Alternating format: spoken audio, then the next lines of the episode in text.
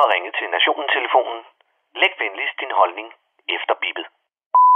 Ja, det er Palle fra Kalmborg. Nå, så kunne Jon Steffensen ikke skide ved siden af mere. Det var ellers et flot forsøg. For pokker!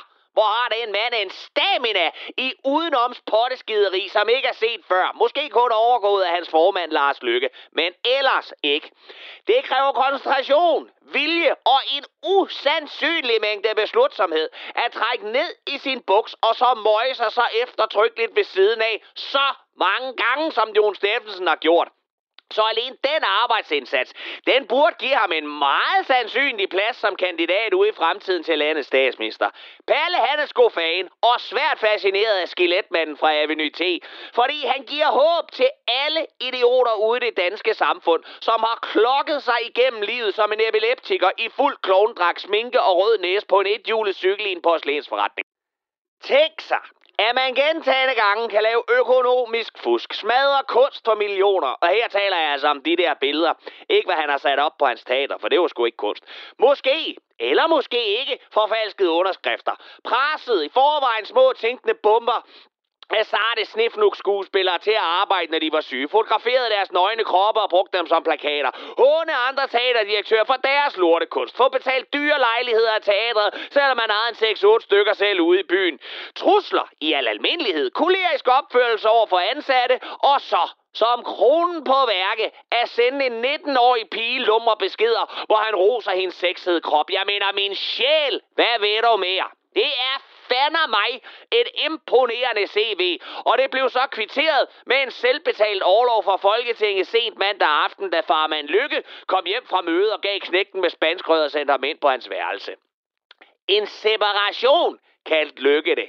Sådan en, som man i et ægteskab har, hvor man sætter forholdet på en tænkepause resten af folketingsåret, og derefter, så må de respektive parter så se, om de stadig har lyst til at tage på camping til Gardasøen sammen og bolle en gang om måneden og i det hele taget blive sammen for børnenes skyld, som i det her tilfælde er resten af regeringen, som vil kollapse som en tyk pige på skøjter, hvis de mister det knoklede krænkerben, som Jon Steffensen udgør. Alt i alt endnu en skygge på regeringens røntgenbillede af lungerne. Og nu vi taler om regeringen, så kom, så kom den i land med en finanslov mandag, som blandt andet bød på ekstra indsats i skolerne til højt begavede børn og flere penge til dyrenes vagtcentral, hvor jeg formoder, at musvitter kan ringe ind, hvis de er blevet slået derhjemme. Alt i alt en masse ligegyldige ting, men så så kom statsministeren med 37 timers arbejdspligt. Og inden du skider skråt i lænestolen og får din flæskesvær galt i halsen, så fald lige ned igen, bassemand. For det gælder selvfølgelig kun for perkerne.